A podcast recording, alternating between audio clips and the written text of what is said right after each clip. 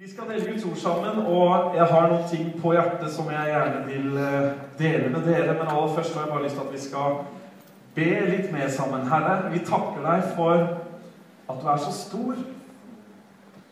Og jeg ber Gud om at du må bruke denne her dagen til å gjøre det enda tydeligere for oss hvor stor du er, hvor god du er og hvilke fantastiske planer du har for hver og en av oss. Herre, jeg priser ditt navn, og jeg gir ditt navn ære. Jeg ærer deg for ditt ord, Herre. Jeg takker deg for din trofasthet, og jeg takker deg for din nåde. Jeg ber om at du skal snakke rett inn i våre hjerter i dag. Jeg ber om at det ikke skal være gode formuleringer fra min side, men at det skal være dine ord som treffer hjertene. For vi er dine barn, og vi vil høre fra deg, du som er vår far. Takk for det, Herre. Amen.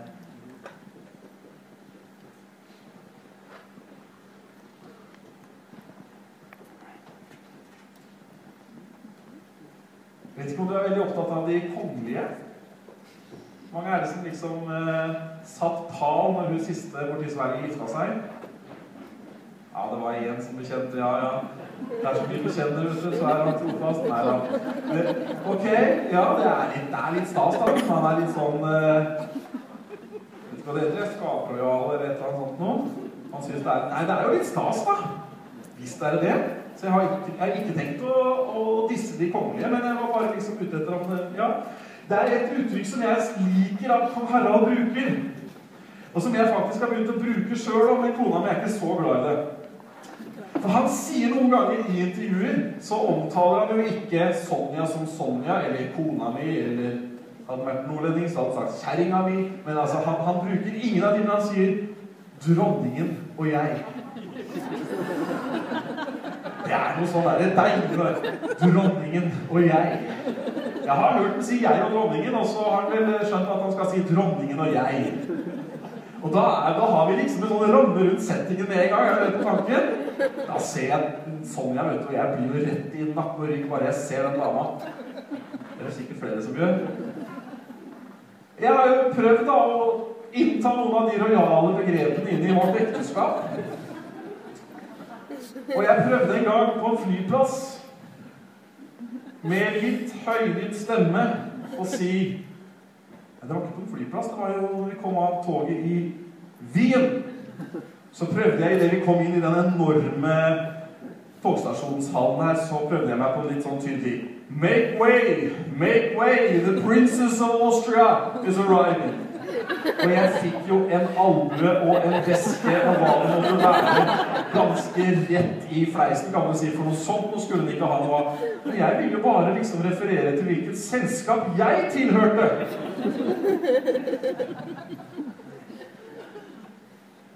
Ja. Vel, vi, tilhører, vi tilhører jo en del sånne kategorier, ikke sant? Det er jeg og kona. Noen har skjønt at jeg og kona er viktigere enn veldig mye annet.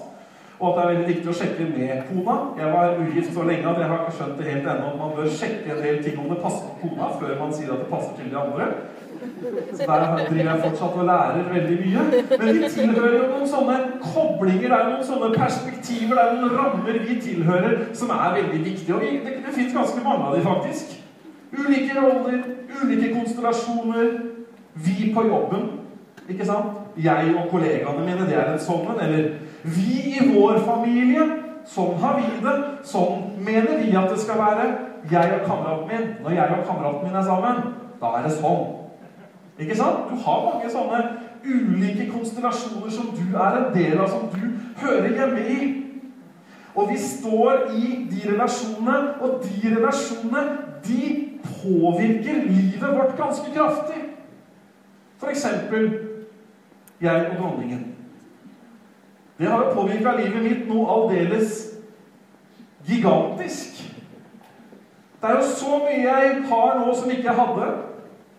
Det er noe jeg hadde som ikke jeg har lenger òg, men eh, det aller meste har jeg fortsatt. Skjønner litt sånn ekteskapelig humor. Jeg fikk tid til så mye mer før, jeg. Før ungene kom, og kona kom. Var et hav av tid å øse av. Nå er tidsskjemaet mye mer stramt. Men i alle fall, disse, disse poengene mine er at disse gruppene vi hører til, de påvirker livene våre veldig kraftig. For eksempel, da, for å holde oss litt til dronninga Når du og fruen ikke lenger er på talefot, eller du og mannen ikke lenger er på talefot, så blir livet ganske så surt. Eller det motsatte. Når du har gode arbeidskollegaer, fantastiske mennesker, så skaper det trivsel, og så blir det lettere å innfri kravene fra sjefen. Med andre ord så betyr det enormt hva slags kvalitet det er på de relasjonene vi hører til, de vi har rundt oss. Det sies at eh, ensomhet er folkesykdom nummer én i Velstands-Norge. Sikkert mange statistikker som kunne underbygge det. Det skal jeg faktisk ikke si noe mer om. Men den som ikke kan si det som jeg akkurat sa jeg og vennene mine, eller jeg og kameraten min, eller jeg og familien min. Den som ikke har noen man kan inkludere i sin hverdag eller i sin fest. Det finnes noen som ikke har noen av de, og man har kanskje ikke Eller man har kanskje mange eiendeler og mye penger, men man har ingen gode venner. Man har ingen kjær familie som bryr seg. Jeg skal snakke om en sånn relasjonskobling, om du vil, i dag.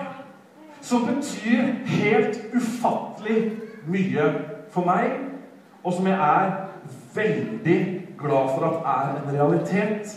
Det er en relasjon, det er et perspektiv som virkelig gjør noe med livet mitt.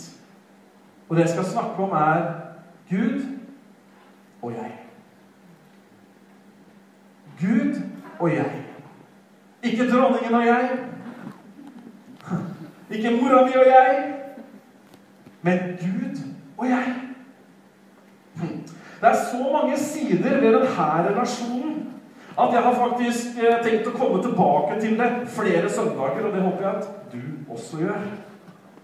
Det er sånn at denne relasjonen vil jeg våge å påstå at påvirker livet vårt i mye større grad enn alle de andre relasjonene som jeg akkurat har nevnt.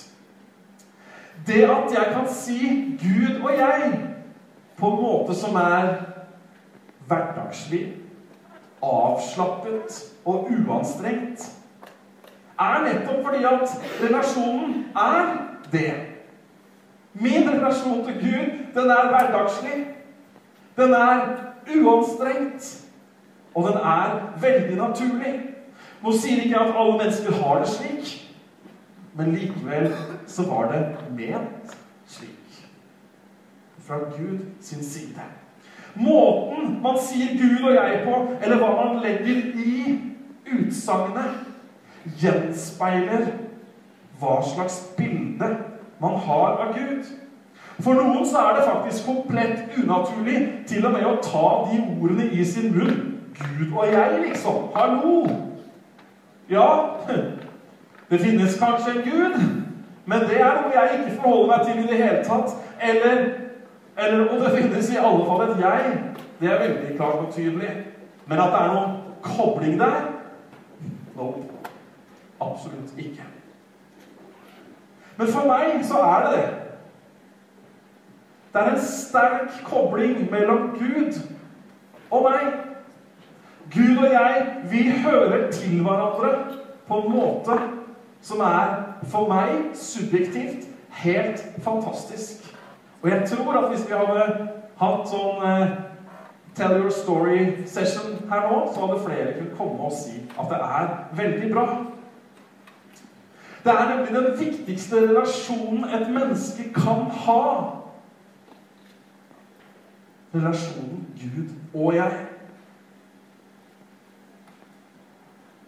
Det er faktisk også en relasjon som alle mennesker på en eller annen måte har.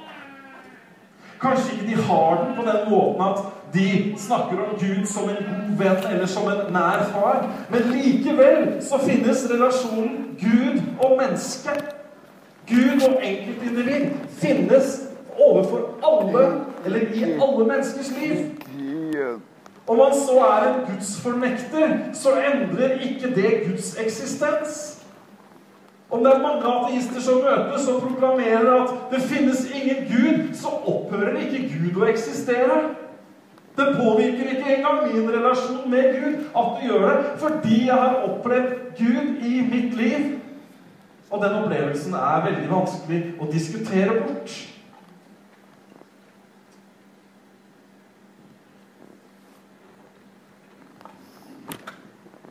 Noen vet ikke jeg er mer på den linja at det finnes en Gud som man kan forholde seg til. Men de er i hvert fall ikke skråsikre fornektere. Men Gud, han finnes. Disse holdningene de endrer ikke han. Han er fortsatt der, og han er fortsatt like full av kjærlighet. Og han bryr seg fortsatt like godt om, like mye om alle mennesker. Relasjonen til Gud forandrer alt og gir alt en mening. Det er likevel ikke sånn at det meningsløse forsvinner fra verden. Men Gud, han gir meg, og Gud, han gir deg, en mening midt i det meningsløse. Du og jeg er skapt for å leve i en nær relasjon med Gud. Han kjenner deg. Og så vil han at du skal kjenne ham. Det finnes ikke én ting, og det kan jo på mange måter virke noe ubehagelig, men det finnes faktisk ikke én ting ved Bent Ove som Gud ikke allerede vet. Oi da. Er det sånn han holder på? Yes. Fullt innsyn. Står, det står i Bibelen at han han har tilsyn med oss hele tiden. vet du.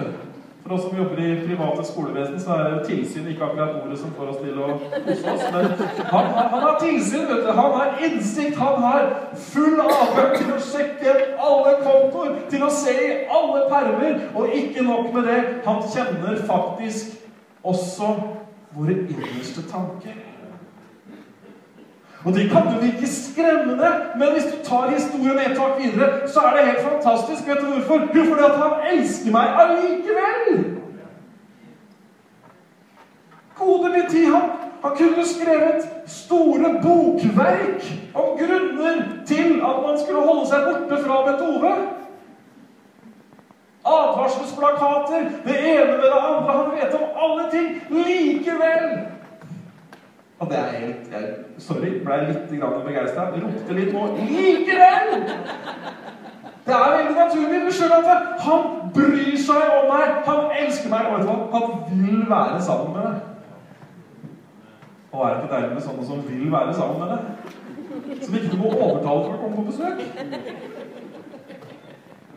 Som må ha liksom tre innbydelse med kopi til tre andre ute på spesielt papir, og det er mulig du så vidt kommer inn. Nei, Gud, han bryr seg faktisk allikevel, og det er helt fantastisk.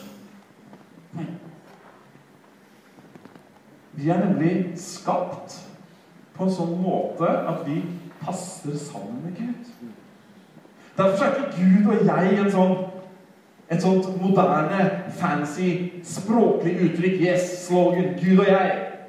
Nei, vi er skapt i Guds bilde. Det er en match mellom Guds bilde og vårt bilde som gjør at det passer sammen som hånd i hanske. Så passer det. Og Gud, han vil Det er jeg overbevist om, det trenger jeg ikke noe nyttårsforsett på. Men Gud, han ønsker at jeg Og nå kan jeg snakke til meg, så kan jo du tenke at han snakker litt til deg også. Men Gud, han vil til tross for alle nyttårsforsetter og alle mulige ting, så har han én ting på agendaen. Han har én ting som er et forsett kontinuerlig. Vet du hva det er? At jeg skal få bli bedre kjent med han. At jeg skal kjenne han. Bibelen bruker noen sånne uttrykk som å vokse i kjennskap. At kunnskapen vår, kjennskapen vår, erfaringen vår av Gud ikke er en konstant størrelse som en gang ble til på 80-, 90-tallet eller 70-tallet eller 50-tallet. Det er jo noen gamlinger her også. Men at forholdet til Gud er noe som er i konstant utvikling og i vekst. Så hvis ikke du har noe nyttårsforsett, så kan du få et av meg nå å vokse.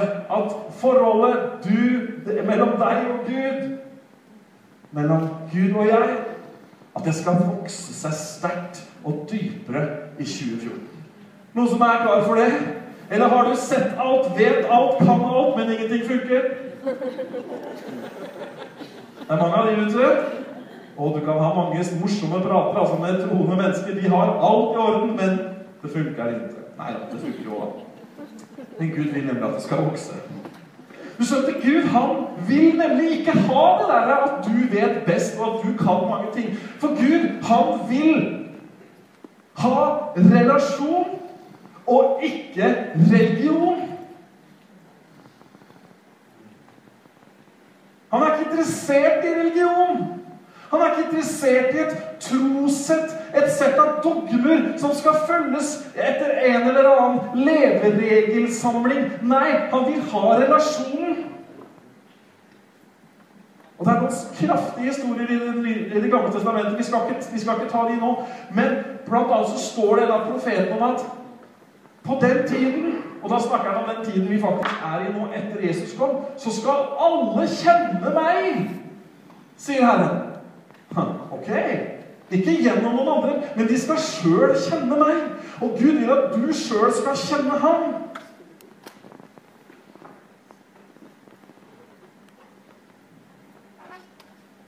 Mange mennesker, vil jeg våge å påstå, de har sin tilslutning til Gud, sin kobling med Gud, som en religion.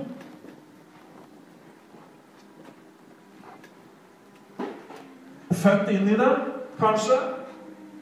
Tillært. Adoptert av noen du kjenner godt, eller noen som vil deg vel. Mange mennesker de har sin kobling med Gud som en religion. Og jeg snakker ikke om ett type kirkesamfunn for dette er så fremtredende. Jeg snakker ikke om eh, de eller de eller de og ikke oss. Jeg snakker om hele fjøla. Jeg sier at mange har en tilkobling til Gud som er religion. Det de tenker på når Gud nevnes, og når relasjon, relasjon til Gud nevnes Når noen snakker sånn som jeg nå om det personlige forhold til Gud, så tenker de umiddelbart Kanskje du allerede har gjort det på alle de tingene du burde ha gjort. Men helgen er ikke bare burde, burde. Det har vi jo lært på TV. Er du med på tankegangen? Det er det første som treffer oss. Skulle ha gjort det. Burde ha gjort det. Sånn kunne vært, sånn kunne vært, osv. Hallo. Mennesker, de ser på det ytre. De ser på de tingene. Men Gud, han ser til hjertet. Hvis man har en sånn kobling med Gud, så blir Gud en eller annen som er høyt der oppe eller langt der ute. Og så blir du helt på den andre siden eller helt der nede. Ikke sant? For da blir han så annerledes, han blir så fjern, og så er det faktisk ingen relasjon i det hele tatt. Relasjon er noe annet enn religion. Hør! Gud, han har kommet nær oss. Vi har akkurat feira jul. Bibelen sier det at Gud ble menneske og flytta inn i vårt nabolag. Jesus kom til denne jorda for å vise oss hvem Gud var. Ikke bare hvem Gud var, men også hvor nær Gud er. Tenk bare på ankomsten til Jesus et lite øyeblikk. Hvordan var den? Pomp og prakt. Zero. Absolutely nothing. Nada. Ingen punkt og pomp og prakt. Derimot så meldte han sin ankomst på det laveste av det laveste, på det mest møkkete av det møkkete. Der kom han. Hvorfor? For å ikle seg en falsk ydmykhet, for så siden å liksom kunne snike seg til en eller annen rojal rettighet. Nei, han kom på den måten sånn at det overhodet ikke skulle være noen avstand mellom noen og han. At ingen skulle tenke et eller annet der oppe som jeg må i ydmykhet forsvinne bort fra. Jo, Gud er stor. Ja, han er mektig. Han er allmektig. Og han er verdt å bøye seg for. Og alle de tingene der, det er ikke det jeg snakker om. Men Gud kom til verden gjennom Jesus på den lavest mulige måten. Med minst mulig pomp og prakt for å vise hvor nær han faktisk er. Og videre, når vi ser hvordan Jesus levde, så levde Jesus som en person som var midt blant folket. Hvis det var noen som hadde grunn til å bygge seg et imperium, som mange store personer har gjort opp igjennom Hvis det var noen som hadde grunn til å opphøye seg selv med bakgrunn i hva han var kapabel til, så var det jo faktisk Jesus. Hallo, Etter at han hadde tatt de første store underne, så kunne de i hvert fall begynne å kreve inn penger da, for å komme inn på møtene hans. Med på tanken? Han kunne jo i hvert fall liksom gjort sin tjeneste litt mer sånn fornem. Og litt mer sånn Ja, jeg er Guds sønn. Det sa han også at han var. Men han ble blant deg og meg. Han var nær. Han var sammen med mennesker. Er ikke det bra? Og hadde jeg levd på den tida, så hadde han faktisk til og med vært sammen med meg og deg. Hvis du hadde sluppet fiskegarden når han sa 'følg meg'. Gud han vil gjerne at det skal være et sånt Gud og jeg i ditt liv. Han tilbyr seg ikke bare å Hallo, Philip. Dette er min sønn. Han har en framtid. Hører dere? Han synger høyere enn de fleste av dere i lovsangen og avbryter predikanten. Så det lover godt. Gud tilbyr seg ikke bare å være et supplement i livet ditt, sånn at du får noen gode opplevelser sånn i nærheten av høytidene, og når du kommer innom hver søndag. Nei, Gud, han gir liv, og så vil han være ditt liv. Jesus sa, 'Jeg er veien, jeg er sannheten, og jeg er livet'. Og Jesus, han er Gud. Det er en historie i Bibelen som jeg har lyst til å ta dere med inn i, som eh, du finner i Johannes evangelium. Matteus, Markus, Lukas, Johannes Henger du med så langt? Ja. Fortsatt våken? Ja. veldig bra. Det er en eh, historie i Johannes 4. Og det er ikke en lignelse, men det er en historie, noe som skjedde, som er utrolig fascinerende. Eh, denne situasjonen utspiller seg når eh, Jesus treffer ei dame ved en brønn. Hun er der for å hente vann.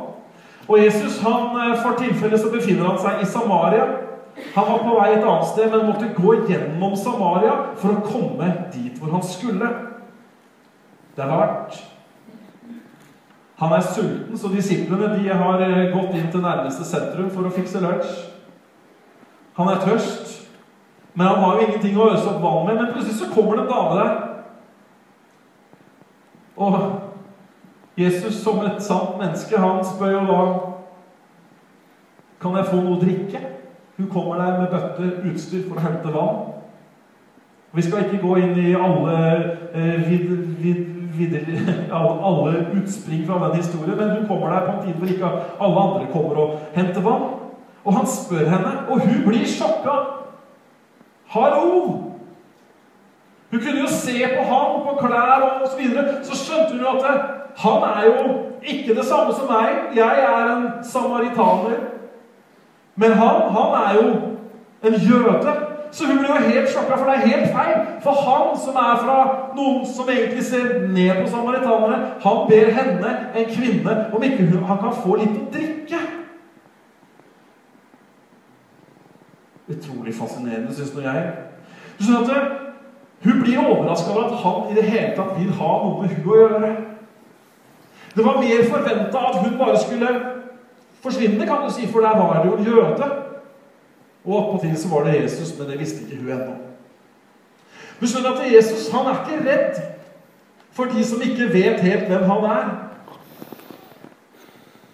Noen ganger så har vi gjort Jesus litt sånn eksklusiv og nærmest eh, så vanskelig å tilnærme seg at man må ha et forkurs før man kan bli kjent med ham.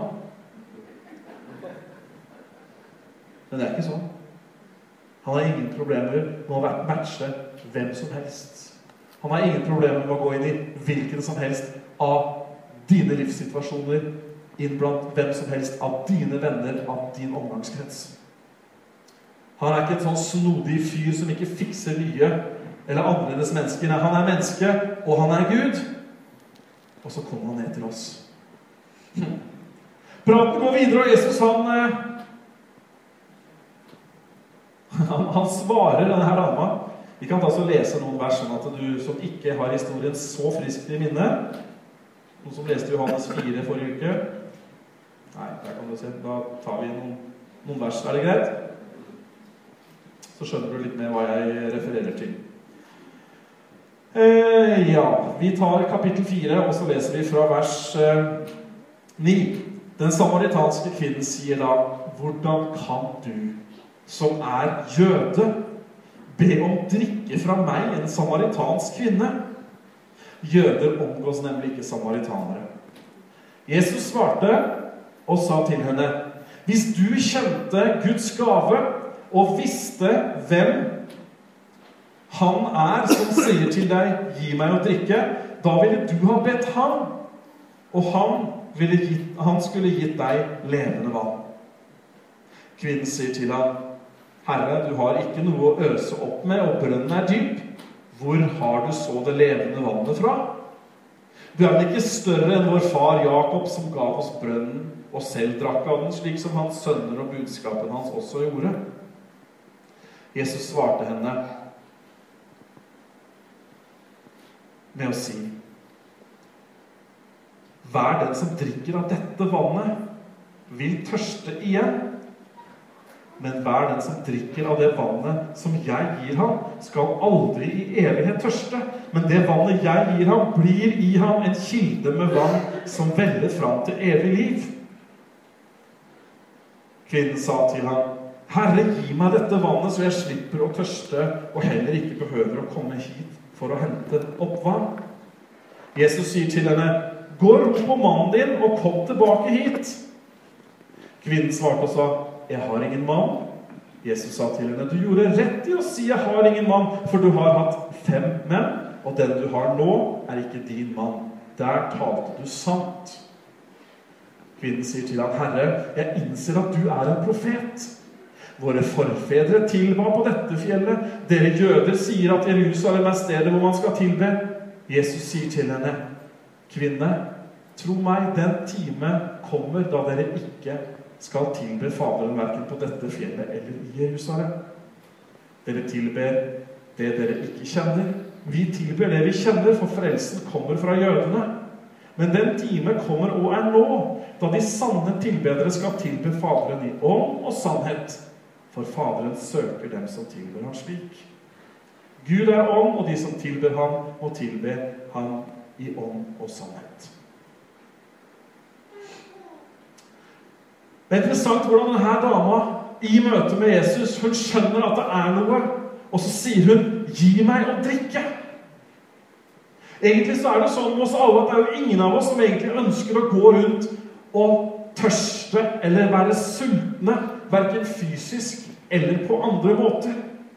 Vi ønsker at våre behov skal stilles. Jesus sier et annet sted i Johannes at den som tørster, kan komme til meg, og så skal han få drikke. Og det er, noen, det er noen ting med denne historien som er, jeg tror er viktig og interessante for oss i forhold til vår relasjon med Gud. For det første så hadde hun en tørst etter Gud. Hun hadde en tørst etter vann, trodde hun, men det var noe mer. Men det som er fantastisk, det er denne vendingen når Jesus sier 'Gå og hent mannen din'. Liksom. Out of the blue. Her er de tørste, det er varmt, liksom. Ja, men gå og hent mannen din. Og så gjør hun noe som er utrolig bra, og som du og jeg må gjøre. Hun svarer helt ærlig, helt sant på den tiltalen. Hun prøver seg ikke. Jesus han snakker inn i hennes situasjon, og hun snakker sant tilbake. Hun var ærlig, hun var oppriktig. Hun fortalte akkurat hvordan det var. Vi er, Som mennesker så har vi en tendens til å bli skuespillere. Vi har en tendens til å sette opp en fasade. Vi tar på oss en hatt, om du vil, eller vi tar på oss en rolle. Men i relasjonen Gud og deg så må du og jeg være 100% ærlige. Ikke fordi at han ikke vet det, så det er jo like greit å senke alle, eh, alle garder og senke alle forsvar med en eneste gang. Men han trenger at du og jeg er ærlige med hvilken tilstand vi er, og hvordan vi egentlig har det. Det er da han kan hjelpe oss. Det er da relasjonen kan bygges sterkt videre. Sånn er det jo med mange andre som trenger hjelp, kanskje i litt mer sånn definert form også. Det er veldig vanskelig å hjelpe folk som har dype problemer, enten det er med rus eller andre ting, før de kommer til, det, til en erkjennelse av sin egen situasjon.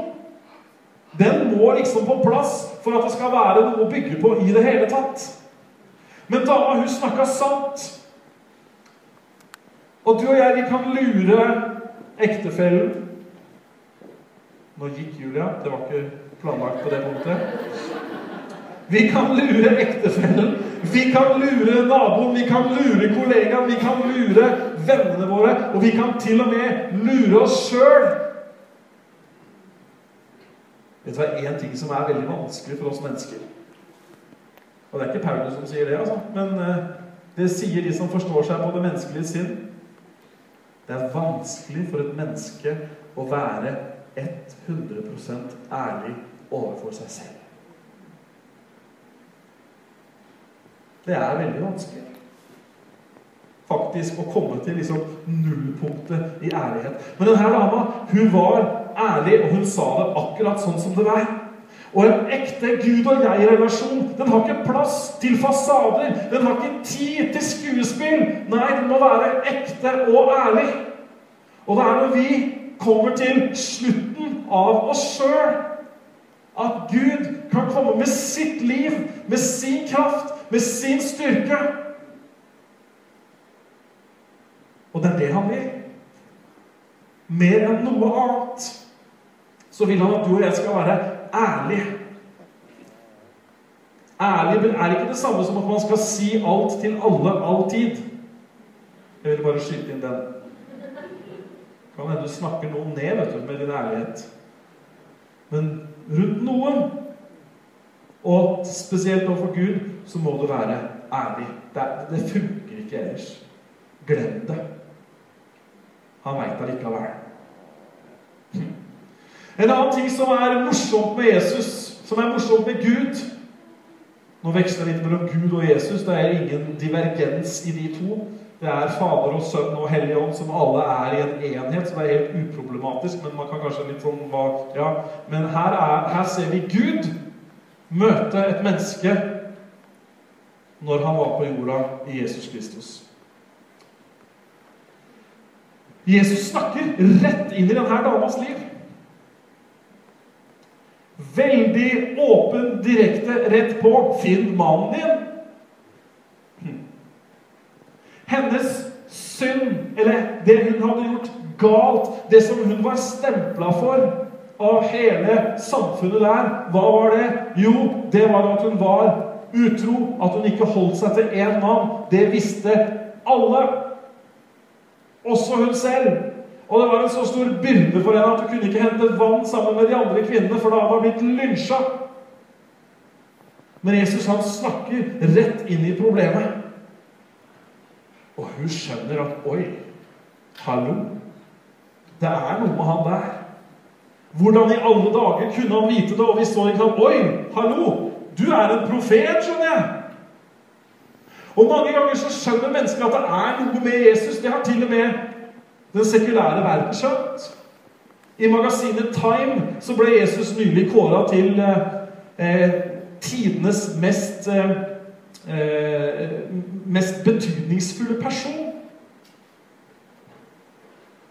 Og det da var arrangert etter hvor store spor de hadde satt etter seg. Og da ble Jesus nevnt som den som var, eller kåret til den mest betydningsfulle personen. Det er litt kult, da. Veldig bra. Eh, nå mista jeg tråden her. Skal vi se. Jo, mange har skjønt at det er noe spesielt med Jesus. Også Time Magazine har skjønt det. Men det holder ikke å skjønne at det er noe spesielt med Jesus. Det handler også om hvilken respons gir vi når Jesus snakker inn i våre liv.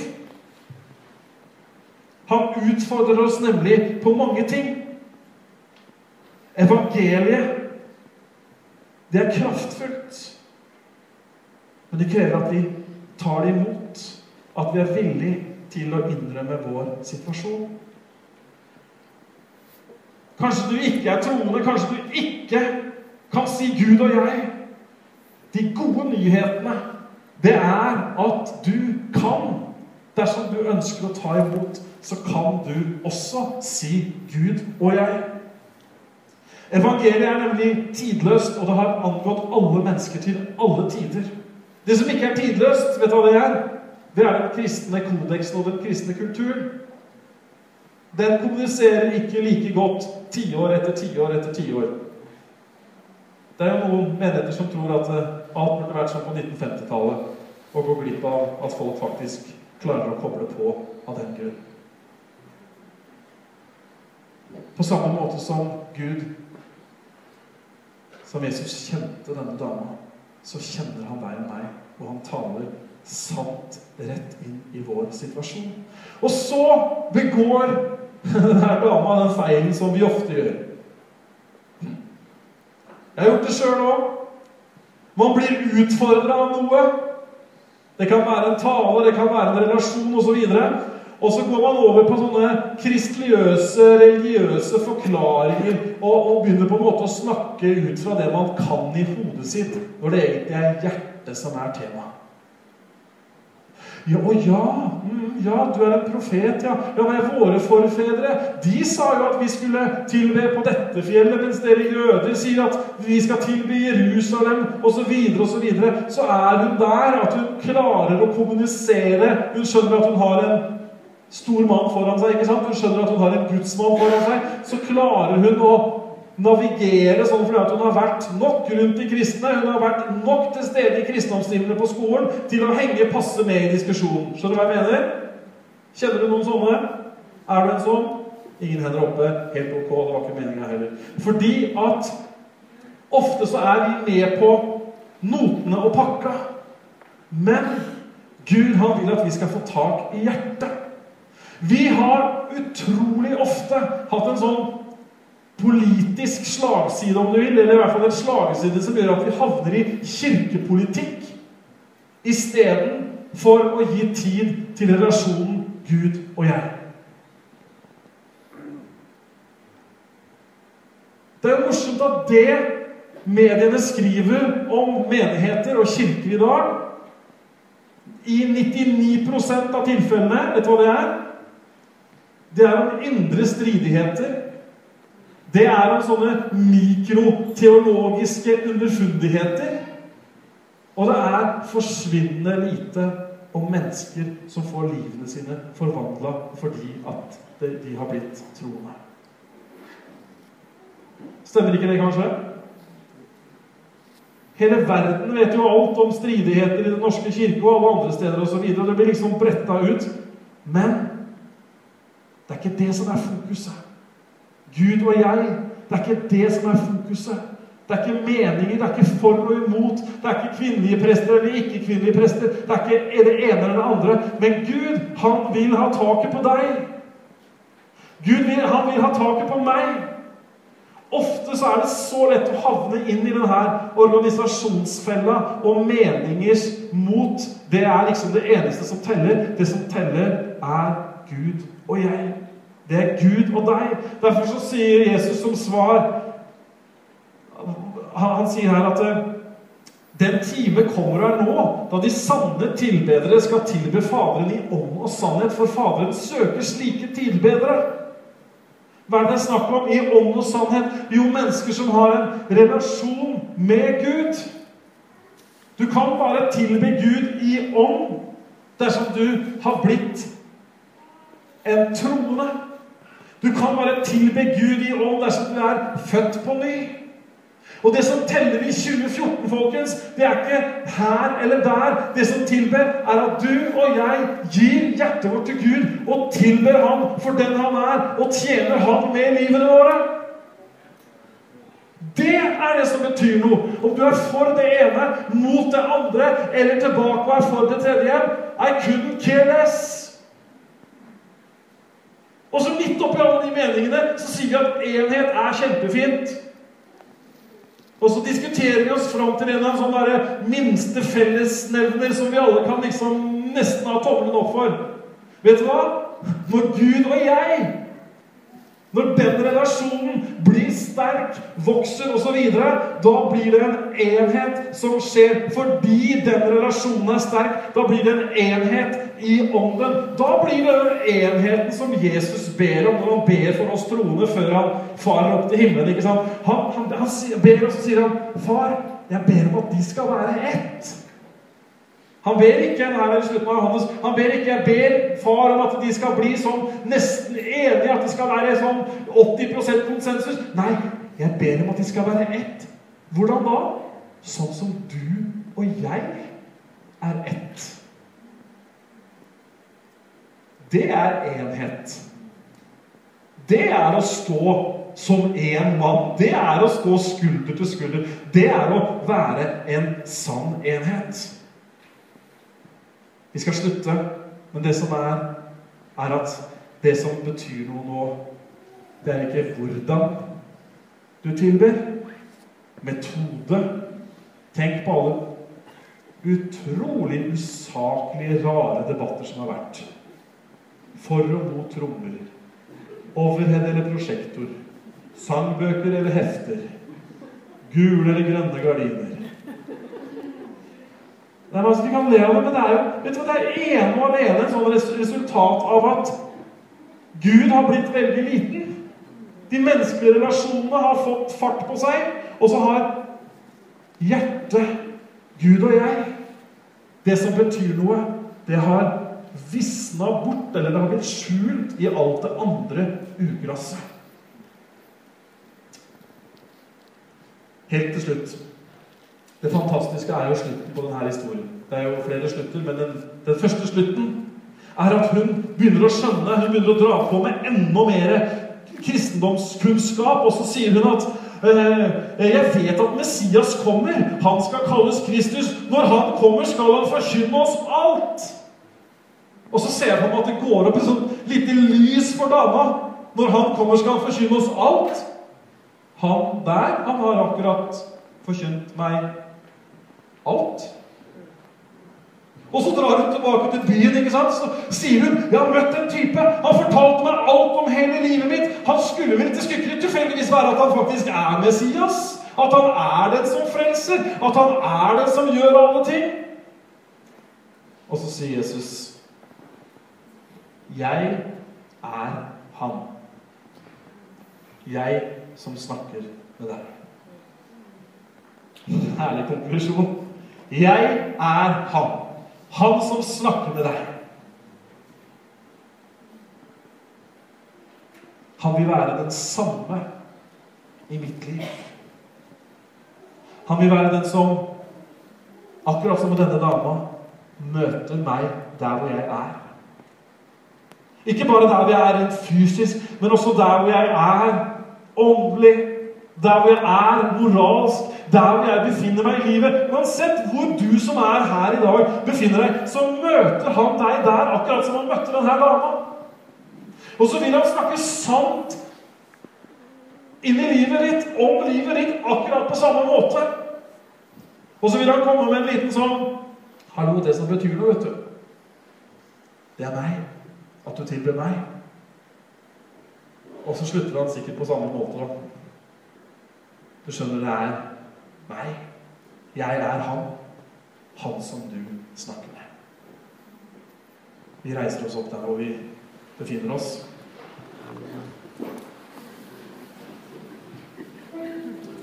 Skal vi ta en sang om et lite øyeblikk? Men jeg har lyst til at vi alle, bare der hvor vi står, bøyer hodene et eh, lite øyeblikk, eller i alle fall lukker øya.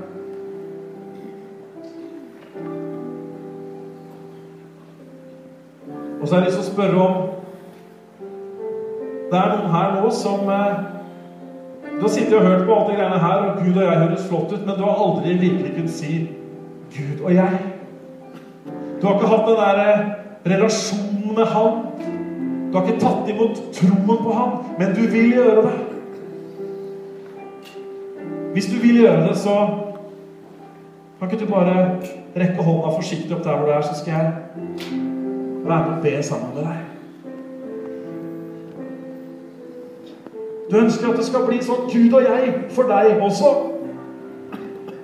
Du har ikke lyst til å bare brette ut litt kristendomskunnskap og klare deg sånn passe igjennom i møte med troende folk.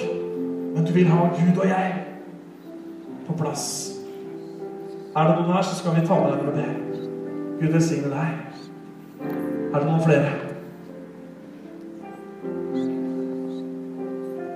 Så jeg har lyst til å spørre alle på nytt.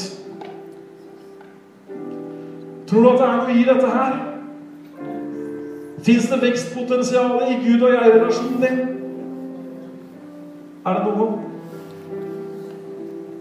Skal vi sammen som kirke, sammen som de vi er, sette av tid til å søke Gud sammen?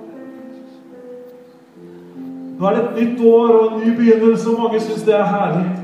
Og hvis man kan bruke en sånn anledning, så er det bare helt supert. Men jeg kjenner for min egen del at Gud og jeg Den skal bli sterkere. Den skal bli tydeligere. Vet du hva jeg har lyst? Jeg har så lyst til å gå dypere med Gud. Aldri, altså vi kommer aldri til å finne dybden helt ut. Vi kommer aldri til å fatte alt. Men jeg vil gjerne gå dypere med ham. Flere som vil gå dypere med ham. Herre, vi takker deg for ditt levende ord til oss, Herre. Takk at du vil trekke oss nær deg, Herre.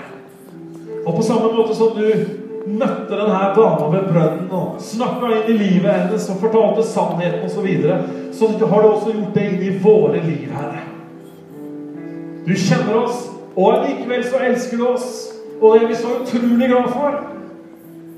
Og jeg ber, Herre, for alle de som er her nå. Og jeg ber for Bykirke. Jeg ber for våre kjære og nære. Herre, takk at vi kan vokse i kjennskap til deg. Takk at relasjonen med deg skal få utvikle seg.